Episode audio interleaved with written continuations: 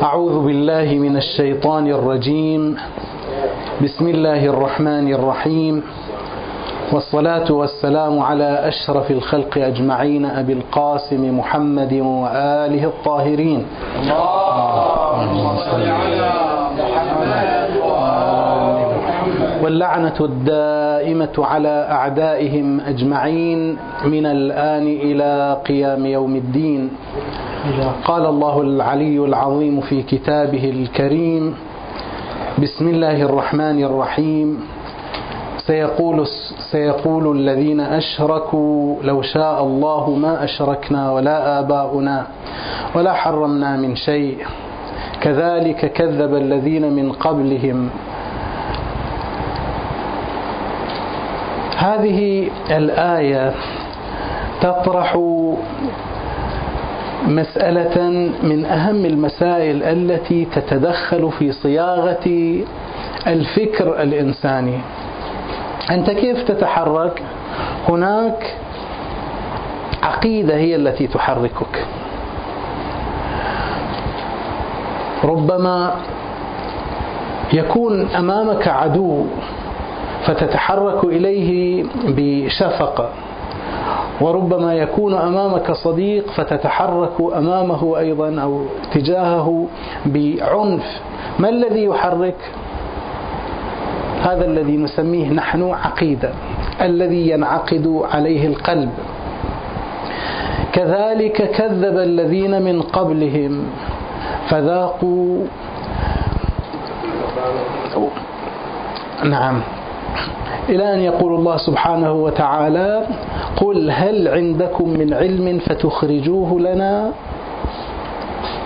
عندكم من علم في هذه المسألة؟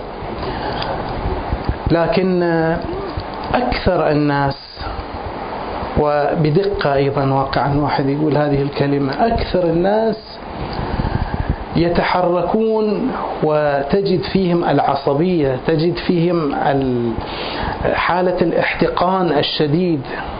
والذي يحركهم هو هذا الاعتقاد الداخلي. لماذا نتحرك ولماذا نفعل؟ وكيف نفعل؟ نحتاج اليوم البحث واقعا من أهم أهم المسائل البحوث العقائدية والتي طالما بحثت ونوقشت ولكن فكر آل البيت للأسف الشديد مغيب وهي مسألة الجبر والتفويض. فنرجو من الإخوان شيئا من التركيز حتى نخرج إن شاء الله بنتيجة. هذه الأعمال التي نقوم بها كبشر هل نحن مجبرون عليها مضطرون إليها؟ أو لا نحن مخيرون. نحن الذين نختارها. هذه المسألة لم تكن وليدة العصور الإسلامية بل كانت منذ أن وجد الإنسان. فذهب قوم أو أكثر الناس إلى أن الإنسان مضطر الإنسان مجبر. على الأعمال التي يقوم بها. ربما نحن نرى حتى في أثناء الأمثال التي نتعامل بها. يقول ماذا؟ المكتوب على الجبين لا بد أن تراه العين. وأيضا هناك بعض الألفاظ ربما يستفاد منها يستند إليها في القرآن الكريم وفي الديانات الأخرى أيضا. قل لن يصيبنا إلا ما كتب الله لنا إلا ما كتبه الله لنا. هذه الآية وأمثالها يمكن أن يستند إليها بشكل سلبي بشكل خاطئ. نحن نريد أن نسأل عدة أسئلة نحاول أن نجيب عليها. حتى تكون المسألة واضحة ونخلص بنتيجة أيضا تكون أيضا واضحة. أولا الجبر والتفويض وقول أهل البيت عليهم السلام لا جبر ولا تفويض ولكن أمر بين الأمرين. مو بين أمرين يختلف بين الأمرين يعني بين الجبر والتفويض.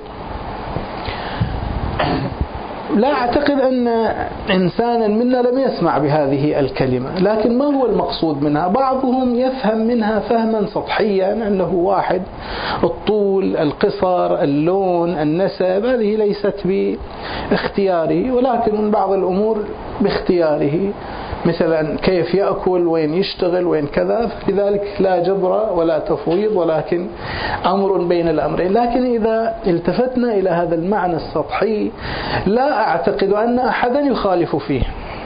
الكل يقول بأن الإنسان مخير في بعض الأمور ومسير في بعض الأمور. وهذا ليس نقطة الخلاف والنزاع في مسألة الجبر والتفويض. ما هو المراد من الجبر والتفويض؟ مو في هذه الأمور. المراد الأساسي في الجبر والتفويض هو نفس العمل. العمل الذي نعمله نقوم به. يعني مثلا حينما أصلي حينما ذاك البعيد أجرم أقوم بجريمة. فهل هذه الجريمة أنا ارتكبتها أو ذلك العمل الطيب أنا ارتكبته قمت به باختيار مني أم أنني أجبرت عليه إجبارا ألجئت إليه إلجاء. هنا محل الاختلاف والنزاع وإلا واحد طويل صدق مو بإيده واحد أسود وواحد أسمر وواحد في أفريقيا وواحد في الصين هذا مو بإيده. وكذلك أيضا بعض الأمور لا الواحد يحس أنه بيده. ماذا يأكل؟ ماذا يشرب؟ هذه بيده. إذا محل النقاش والكلام والخلاف هو في الأعمال في الأفعال التي نقوم بها. حينما مثلا يجرم يزيد بن معاوية هذا بيده فيستحق عليه النار أو لا. حينما يأتي رسول الله صلى الله عليه وآله فيختاره الله أفضل الخلق وخاتم الأنبياء والمرسلين جميعا. هل بفضل منه بمنزلة وقدر كان عنده أو لا؟ رب العالمين أجبره على ذلك وحينئذ لا فرق ولا فضل لرسول الله على واحد مثل شمر ولا أبي سفيان. شوي شوي كأنما قربنا من النقطة حتى المسألة جدا هامة. شوف إحنا كل أعمالنا كل أعمالنا صلاتنا شربنا أكلنا كلامنا مع أمنا كلامنا تعاملنا مع أبينا مع جارنا دراستنا شغلنا كلها خاضعة إلى هذه الفكرة. أنت ماذا ترى؟ وكم من أمة رأت أنها مكتوب عليها أن تبقى في الأسفلين. اليوم في الهند في جماعات يسمونهم ماذا؟ العبيد أو المنبوذين. وهم يوافقون على هذه أو على هذا المصير. حتى شربة الماء التي يشربون منها لابد أن تكون مختلفة عن شربة الأسياد. وهم موافقون على هذا الأمر. في الأديان الأخرى في أوساط المسلمين هذه المسألة أيضا موجودة. وهنا يظهر دقة ونورانية أهل البيت صلوات الله وسلامه عليه. إذا ما هو الموقف من الجبر والتفويض؟ وما هو المقصود من الأمر بين الأمرين؟ الخط العام للأسف الشديد هو خط ماذا؟ الجبر. هناك تفويض أيضا وهو تطرف من الجهة الأخرى لكن بشكل عام الذي سار عليه الناس وساد بين الناس هو فكرة الجابر وأن الناس مجبرون على هذه العوائد والتصرفات التي يقومون بها.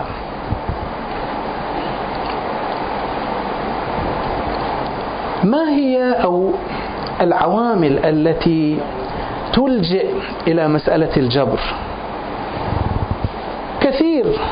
ابن سعد حينما سأله العدوي قال له هل فضلت همدان والري على قتل ابن عمك؟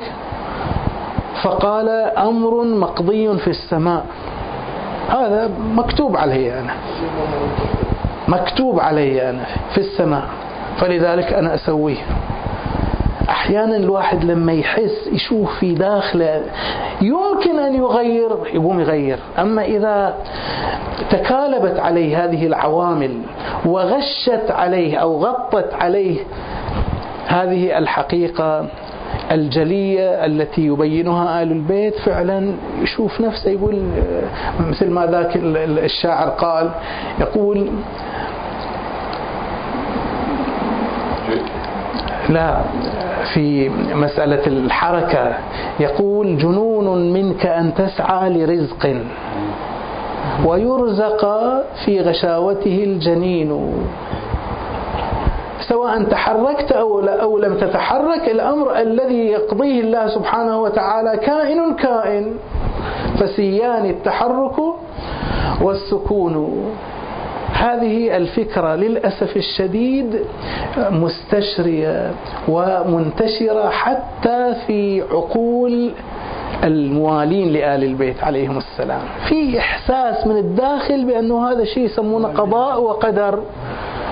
قضاء وقدر. وآيات أيضا فيها. يقول شنو ذاك الحديث؟ أن الإنسان وهو في بطن أمه مكتوب عليه إما أن يكون شقيا أو أن يكون سعيدا كما هو مروي عن الإمام الكاظم سلام الله عليه. أو القرآن الكريم أيضا حينما يقول فشقي شقي وسعيد. يعني من أول ما تجيبك أمك أنت وأنت مكتوب عليك أن تكون من الأشقياء أو تكون من السعداء. مكتوب عليك أن تشتغل في الشغل الفلاني. وأنا أشير مجرد إشارة إلى هذه المسألة ولكن لا أريد أن يعني أناقشها. إن شاء الله تصير فرصة ثانية نبحثها. اليوم هؤلاء اللي يسمونهم العرافون أو المنجمون لما يقعد ويقول لك راح يصير الشيء الفلاني والشيء الفلاني والشيء الفلاني وفعلا نشوف بعض القضايا أيضا تصير. يقول تعال كأنما إحنا مثل قطع شطرنج والأمور تحصل علينا من دون أن تكون لنا إرادة في تغيير وتحوير هذه الأقضية أو هذا الواقع الذي نحن فيه. أولا نسأل هذا السؤال ما هي العوامل التي قادت إلى الفكر الجبري؟ ثم بعد ذلك نرى الفكر الآخر المقابل للجبر ولماذا؟ ثم نذهب إلى نظرية أو حل أهل البيت صلوات الله وسلامه عليهم أجمعين لهذه المسألة. العامل الأول هناك ثلاثة عوامل. العامل الأول هو العامل السياسي. العامل الثاني هو العامل النفسي. والعامل الثالث هو عامل النصوص والتراث الديني. العامل الأول السياسي ما هو المقصود منه؟ كلما جاءت حكومة من الحكومات ودولة من الدول حتى تفرض نفسها حتى تثبت نفسها تنشر بين الملأ أن هذا قدر وقضاء أنزله الله سبحانه وتعالى. نحن الذين ملكنا الله سبحانه عليكم. يعني أنت تريد أن تغير قضاء الله وقدره الذي أنزله الذي قضاه. يمكن تغييره؟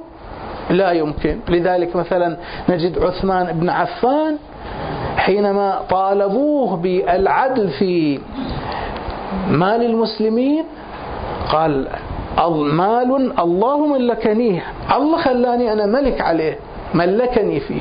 فإما أن تعترض على الله أو تعترض على قضائه. وإن لم تعترض على الله ولا على قضائه فأنا مخير مكلف مصرف في المال الذي وكلني الله عليه. حينما اعترضت عائشة على معاوية حينما أراد أن يورث ابنه يزيد الحكم. اعترضت عليه. فماذا قال؟ قال هذا قضاء من القضاء وليس للأمة أو للناس من أمرهم الخيرة حينما اعترض أيضا عبد الله بن عمر أو هكذا استفهم من معاوية يعني كيف تملك يزيد على المسلمين؟ فقال له نفس الكلام لكن بزيادة أنه أحذرك من أن تشق عصا المسلمين وأن تسفك دماءهم وأن تفرق ملأهم فإن أمر يزيد أمر أو قضاء من القضاء وليس للعبد من أمره خيرة في هذا في هذه المسألة. حينما ندخل في في هذا الجانب نجد بأن السلطات الحاكمة تحاول أن تثبت هذه الفكرة وتجعلها عقيدة دينية لأنه الدين إذا أنا أتوسل به أجعله وسيلة للناس بسرعة. إذا قبلوا الفكرة يقبلون الخنوع يقبلون السكوت ولذلك يعتبرون هذا ما أدري شفته أو ما شفته آه، حينما توفي آه، ملك كوريا كوريا الشمالية أو الرئيس الكوري الشمالي. رأيتم كيف الناس يبكون؟ وهناك بالذات في شرق آسيا بالذات هناك حالة من الاعتقاد السائد أن هؤلاء جنسهم مختلف. إذا يقترب الواحد من الملك حتى لو كان الملك ضعيف هو يحس بنفسه أن قواه تخور تضعف ما يقدر يصل إلى هذا. ليش؟ لأن هذا جنسه مختلف. هذا جنسه من نمط أعلى أرقى من جنسنا نحن عامة الشعب. فلذلك يعيشون حالة من قبول الظلم قبول آه، مصادرة الحقوق ومصادرة الأموال ومصادرة الرأي باعتقاد أن هذا الذي نصب علينا مكانه هو هذا مكان هذا. لذلك السلطات صارت على هذا المسار. وإذا جينا إلى التاريخ الإسلامي نشوف مملوء. الدولة العباسية الدولة الأموية بل حتى حتى هذه الجنبة الفكرية دخلت في عفوا الجنبة السياسية دخلت في الأمر الفكري. مثلا غيلان الدمشقي النتيجة نحن نختلف معه أو نتفق. ما كان يقبل هذه الفكرة في أيام عبد الملك بن مروان. فجاءوا له بالأوزاعي. حتى يناظره. وحينما رأى أنه لا يقبل بقضية الجبر والقضاء والقدر بهذا المعنى أن الذي صار عليكم هذا قضاء وقدر ولا بد أن توافقوا عليه لا بد أن تقبلوه. أفتى الأوزاعي بسفك دمه بقتله وفعلا قتل وصلب بباب كيسان في دمشق. غيلان الدمشقي هذا. عندنا أيضا معبد الجهني معبد الجهني في قبل عبد الملك بن مروان. نفس الشيء يعني سلط عليه لأنه كان يرى أن مذهب أو فكرة القضاء والقدر بهذا المعنى الجبري لا يوافق عليه الدين ولا العقل السليم. لذلك طورد وحورب حتى يقتل وحينما جاء يقولون إنه لجأ إلى الحسن البصري وقال له إن بني أمية يحاربونني ويقولون إن الأمر الذي هم عليه بأمر من الله بقدر من الله فلذلك شنو سوها؟ حورب هذا الشخص حتى طورد حتى يقتل. يذكرون أن أبا بكر واحد جاء إلى أبي بكر هذه الرواية ينقلها السيوطي في تاريخ الخلفاء عن عبد الله بن عمر يقول إن رجلا جاء إلى أبي بكر يقول له أترى أن الزنا بقدر من الله؟ قال نعم.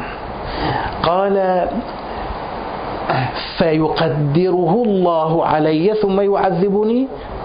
قال نعم يا ابن اللخناء هذا إذا كان الواحد ما عنده جواب دائما يسرع إلى هذه القضية. ولو أن عندي إنسانا لجعلته يجأ عنقك. يعني يكسر أنفك. يجأ أنفك عفوا. يكسر أنفك. أيضا تذكر بعض الروايات أن أم الحارث الأنصارية في أعقاب حرب حنين ويوم حنين إذ أعجبتكم كثرتكم فلم تغن عنكم شيئا. وضاقت عليكم الأرض بما رحبت ثم وليتم مدبرين. فرأت عمر بن الخطاب أيضا في المنهزمين فأوقفته قالت فيما ذاك؟ لماذا الانهزام؟ لماذا الفرار؟ فقال هو أمر الله. هذا معناه شنو؟ معناه أنه أنا أجعل تبرير للعمل الذي أقوم به. هذا الآن واحد يقول مختلف عن السياسة. لا هذا هو عين السياسة. يعني الأثر السياسي هو نفسه. مرة أنا أكون حاكم ومرة نفس العمل الذي أقوم به وأحاول أن أوجهه. هذه الفكرة ممكن إحنا ناخذها نعتبرها ك يعني مسألة غير هامة. صدقوا أعمالنا صلاتنا صومنا أفكارنا كلها ترجع إلى مسألة الجبر والتفويض. كلها ترجع إلى قضية القضاء والقدر وماذا نفكر فيه. إذا كان تفكيرنا كما يقول آل البيت صلوات الله وسلامه عليهم حركة الإنسان كما سيأتي إن شاء الله الآن معنا في الكلام. فعموما هذا العامل الأول ما هو العامل السياسي؟ هو الذي أنا أعرف بأنه ليس كذلك ولكنني أقول أوعز للناس أنشر في الناس أن الله سبحانه وتعالى سلطني على الناس سلطني أمرني عليهم وبالتالي كأنما هذا بأمر إلهي سماوي لابد أن يقبلوا العامل الثاني هو العامل النفسي وهذا بسبب أيضا الأمور الثانية بسبب الأمور الفكرية بسبب التراث لكن على أي حال صار بنفسه عاملا. اليوم لما نشوف واحد مولود في أدغال أفريقيا أو واحد مثلا في وسط عائلة هندوسية أو عائلة مجوسية لما أجي أنت تعترض عليه أنا أتذكرت كنت أتكلم ويا واحد صيني عن الإسلام وأن الله سبحانه وتعالى يحاسب في الآخرة فاعترض يعني احتج علي بأنه نحن مولودون في بلد ما فيه إسلام أن أنا عرضت الإسلام عليك ما فيه إسلام. و ما دام الله خلقنا في بلد مثل هذا وفي فكر مثل هذا فهو قدرنا هو اللي إحنا آه، نلتزم به في يوم القيامة. أيضا لا يعذبنا كما قال سيف الدولة الحمداني في كلمة مشهورة له بيت شعر يقول لك جسمي تعله فدمي لا تطله. لأنه أنت كتبت علي هالشكل جعلتني ضعيفا جعلتني فقيرا جعلتني لا أقوى على بعض الأمور فلذلك أنت لن تطل دمي لن تسفك دمي يعني لن تعاقبني. لكن رد عليه أبو فراس الحمداني أو الحمداني بقوله قال إن كنت مالكا فلي الأمر كله. فالحاصل أنه هذا داخل في الوجدان في اللاشعور ما دام أنا ابن فقير ما دام أنا عائلتي أسرتي قريتي كلها تعيش حالة من الجهل أنا بعد وين وين أوصل إلى أمثال أولئك العلماء؟ خصوصا لما يشوف أن العلماء عوائل لما يشوف أن الوزراء أيضا عوائل وبالوراثة فيستشعر في داخله النقص يقول هذا مكتوب. هذه كتبة ربانية وبالتالي ماذا؟ يحس في حالة من اليأس عنده. العامل الثالث ولعله هو العامل المولد والعامل الأهم هو النصوص. كما أشرنا في بداية الكلام حينما تأتي الآيات وتقول قل لن يصيبنا إلا ما كتبه الله لنا.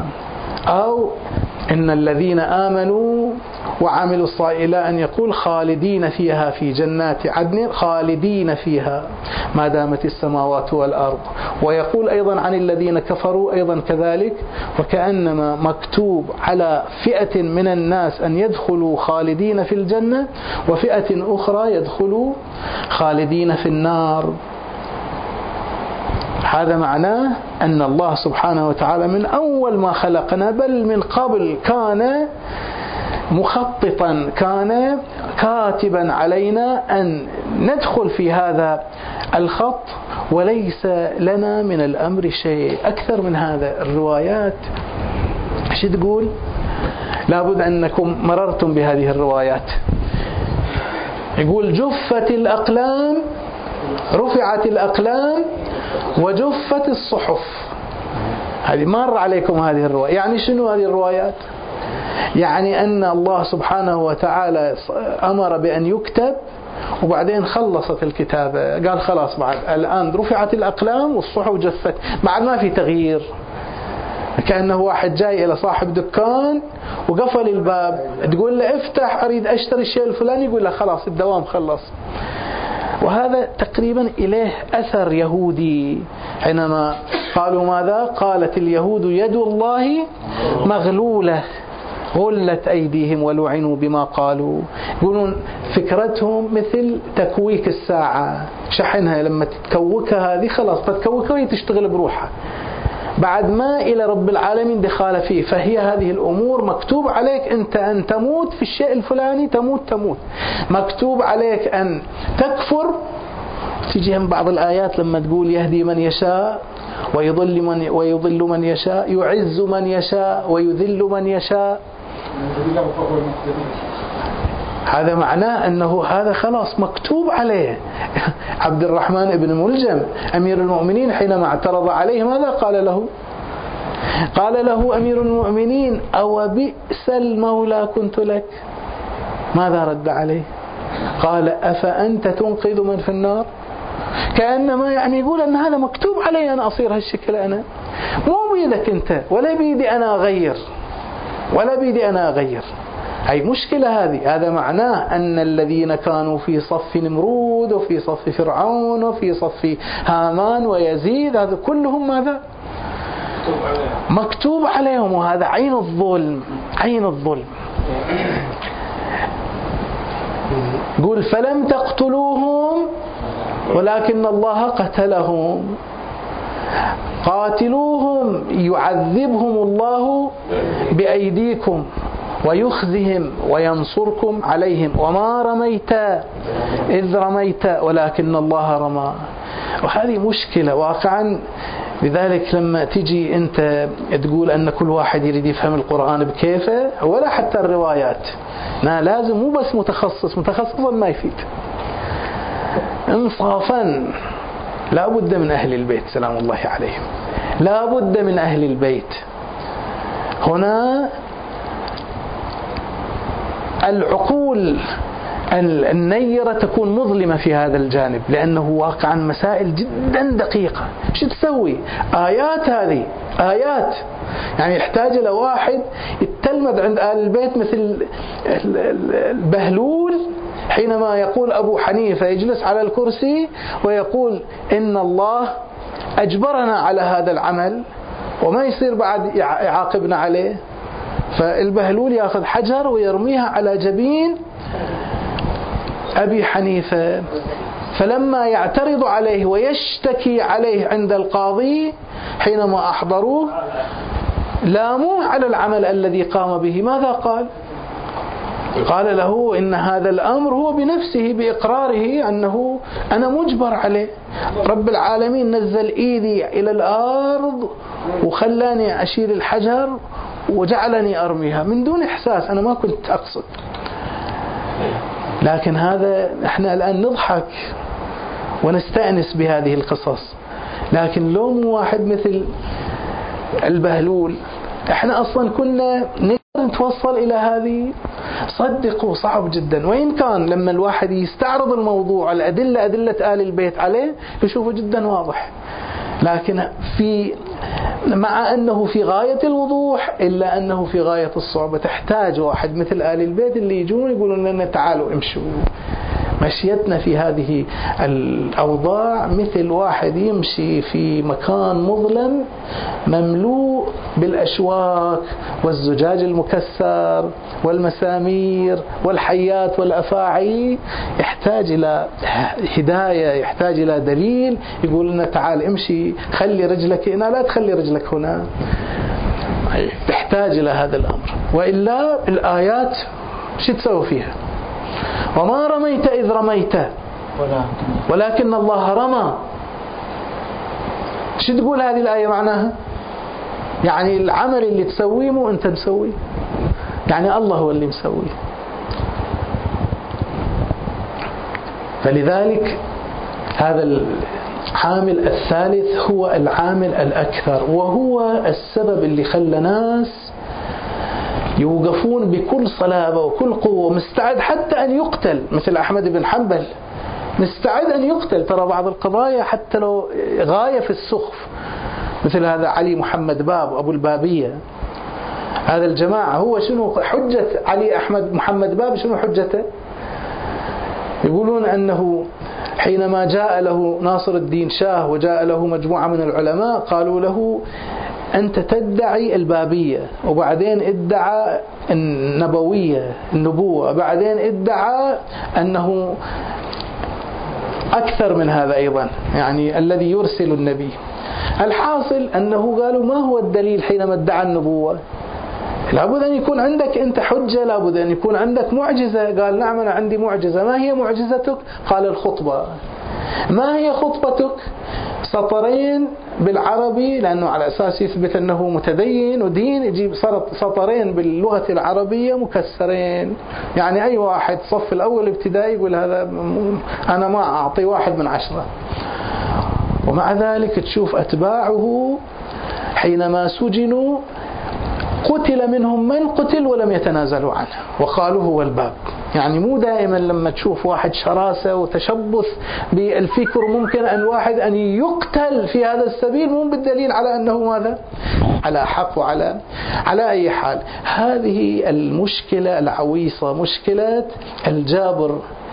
لماذا نحن على هذا الخط لماذا نحن نقوم بها؟ لماذا نحن شيعة؟ لماذا نحن سنة؟ لماذا نحن مجوس؟ لماذا نحن يهود؟ ناس جو أولاد يهود صاروا يهودا. ناس جاءوا أولاد مسيحيين صاروا مسيحيين. إحنا شنو فخرنا؟ ما هو فضلنا؟ فلذلك تأتي هذه المسألة. قالوا فئة من المسلمين كبيرة علماء المسلمين قالوا إن الله سبحانه وتعالى هو الذي كتبه علينا لا بد أن نمشي عليه لا بد أن نسير عليه. وقالوا بأن الله هو كما يخلقنا يخلق أفعالنا أيضا. هذه الأفعال اللي نسويها مثل مثلا الصلاة أو مثل القتل والجريمة مثل حاشاكم الزنا مثلا. هذا العمل نفسه رب العالمين يخلقه. تقول له من وين؟ يقول هو ما رميت إذ رميت ولكن الله رمى والحجة تقريبا مستحكمة. لكن جاءت جماعة انفصلت يسمون نفسهم المعتزلة. هؤلاء جماعة الأشاعرة ومن تبعهم من الحشوية والمفوضة وما أشبه. جاءوا جماعة آه، مو المفوضة عفوا المجبرة. جاءت جماعة انفصلت عن هؤلاء يسمونهم المعتزلة. شافوا إذا قلنا هالشكل هم ليش قالوا هذا؟ يقولون لأنه هذا يسموه توحيد الأفعال أن الأعمال كلها من عند الله كل الأعمال صادرة من الله. لا تقول أن هذا العمل مو من الله وإلا يلزم من كلامك ماذا؟ أنه هناك خالقان. أنت خلقك الله وعملك أنت خلقته. فلا بد أن تقول أنت وعملك رب العالمين خلق. والدليل أيضا هذه الآيات والنصوص أيضا التي تذكر هذا الأمر. لذلك هؤلاء جاءوا وقالوا مشكلة صحيح إحنا حليناها وقلنا أن كل الأعمال وكل الأفعال أرجعناها إلى الله سبحانه وتعالى وصار توحيد في الأفعال. لكن صار ظلم. هذا الذي يدخله النار رب العالمين بأي على أي أساس يدخله؟ هذا ما الفرق بينه وبين ذلك النزيه وذلك النبي وذلك الشريف؟ ذلك شرفه لم يكن له فخر ويد فيه. وذلك الوضيع أو ذلك المجرم أيضا لم يكن له يد وفخر فيه. فلذلك هذا أصلا عين الظلم. كيف ننسبه إلى الله؟ فلذلك جاءوا لينزهوا ساحة الله من الظلم ويقولوا إن الله عادل اللي يسموهم العدلية. وقعوا في مطب ثاني. شنو قالوا؟ قالوا إن الإنسان هو بنفسه يخلق أفعاله. هو الذي يخلق فعله. من جهة الآيات تقريبا ما تشجع هذا الكلام. يعني شنو الإنسان يخلق فعله؟ ومن جهة أخرى أنت أفقرت الله. يعني كأنما فكرة اليهود التي ذكرناها من قبل يد الله مغلولة أنت جايبها. لأن رب العالمين كأنما أنت باعدته عن الأثر خليت الأثر كله إعلاما لهذا الشخص. هو الذي يخلق فعله بنفسه. فلذلك حينما انطرحت هذه المسألة بشكل مخيف بشكل فتنة جاء آل البيت وتصدوا لها وقالوا لا لا جابر لأن هذا الجبر شو يسوي؟ ينسب إلى الله الظلم. يعني هذه الأعمال التي قمنا إن صلينا مو بإيدنا والله يودينا الجنة. هذا ظلم بعد. أظلم الآخرين. وإذا واحد سوى عمل سيء هذا العمل السيء أيضا ليس بيده. ورب العالمين يودي النار. هذا الظلم. فهذا الجبر يقول لا أهل البيت يقول لا جابر ولا تفويض. زين الفويض تفويض شنو؟ التفويض هو أن هذه الأعمال التي تقوم بها أنت خلقتها بنفسك. حليتها من جهة. صحيح أنت محاسب عليها. في فرق بين النبي وغير النبي. حليت هذه المشكلة لكن أخرجت الله وقدرة الله من الإحاطة بهذه المسألة. الله بكل شيء محيط يصير بناء على هذا لو يصير بكل شيء غير محيط. يد الله مغلولة تصير. فلذلك أهل البيت قالوا لا جابر ولا تفويض ولكن أمر بين الأمرين. زين الآن في هذه النقطة شنو يعني لا جبر ولا تفويض ولكن أمر بين كلمتها سهلة. ما هي النظرية التي يذكرها آل البيت؟ شوي ركزوا نحاول إن شاء الله نختصر بسرعة. كل الأعمال اللي أيضا من خلال هذه الآيات الذي ذكرناها مخلوقة ولولا الله لما وجدت. سواء الإنسان أو أعمال الإنسان أو أدوات الإنسان. كل شيء كل شيء مخلوق هو ممن من الذي خلقه؟ الله سبحانه وتعالى. ركزوا لأن المسألة شوي. بعض الناس لما يجي لا جبر ولا تفويض ولكن أمر بين الأمرين يفسرون ذلك التفسير السطحي. يعني لا أنت الطول والعرض واللون والكذا مو بإيدك فأنت شنو؟ مو عفوا أنت مجبر عليه. وكذلك أيضا أنت مسير أو مخير في بعض الأمور تأكل مثلا الذي تحب تدرس الذي تحب وتشتغل الذي تحب تعارض الذي تحب تؤالف الذي تحب. لا هذا تفسير سطحي ومو مقصود حتما. المقصود هو هذا الذي ذكرناه. ما هو التفسير؟ كيف نفسر؟ لا جبر ولا تفويض ولكن أمر بين الأمرين. النقطة الأولى شنو قلنا؟ أن كل مخلوق فهو من الله سبحانه وتعالى. ولكن من الخلق أيضا من المخلوقات مسألة الاختيار والإرادة. الله أعطاني الاختيار. الله أعطاني الإرادة.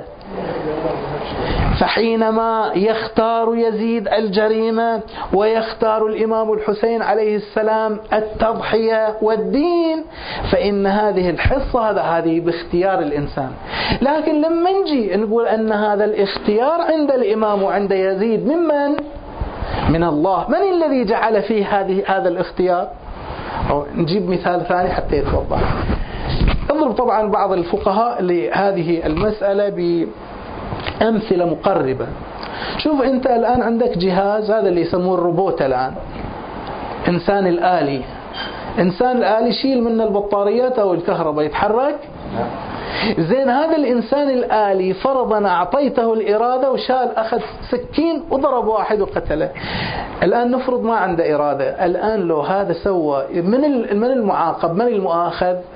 أنا خليت روبوت الآن في هذه المنطقة وهذا الروبوت عنده سكين أو عنده ذاك البعيد مثلا متفجرات وفجرها.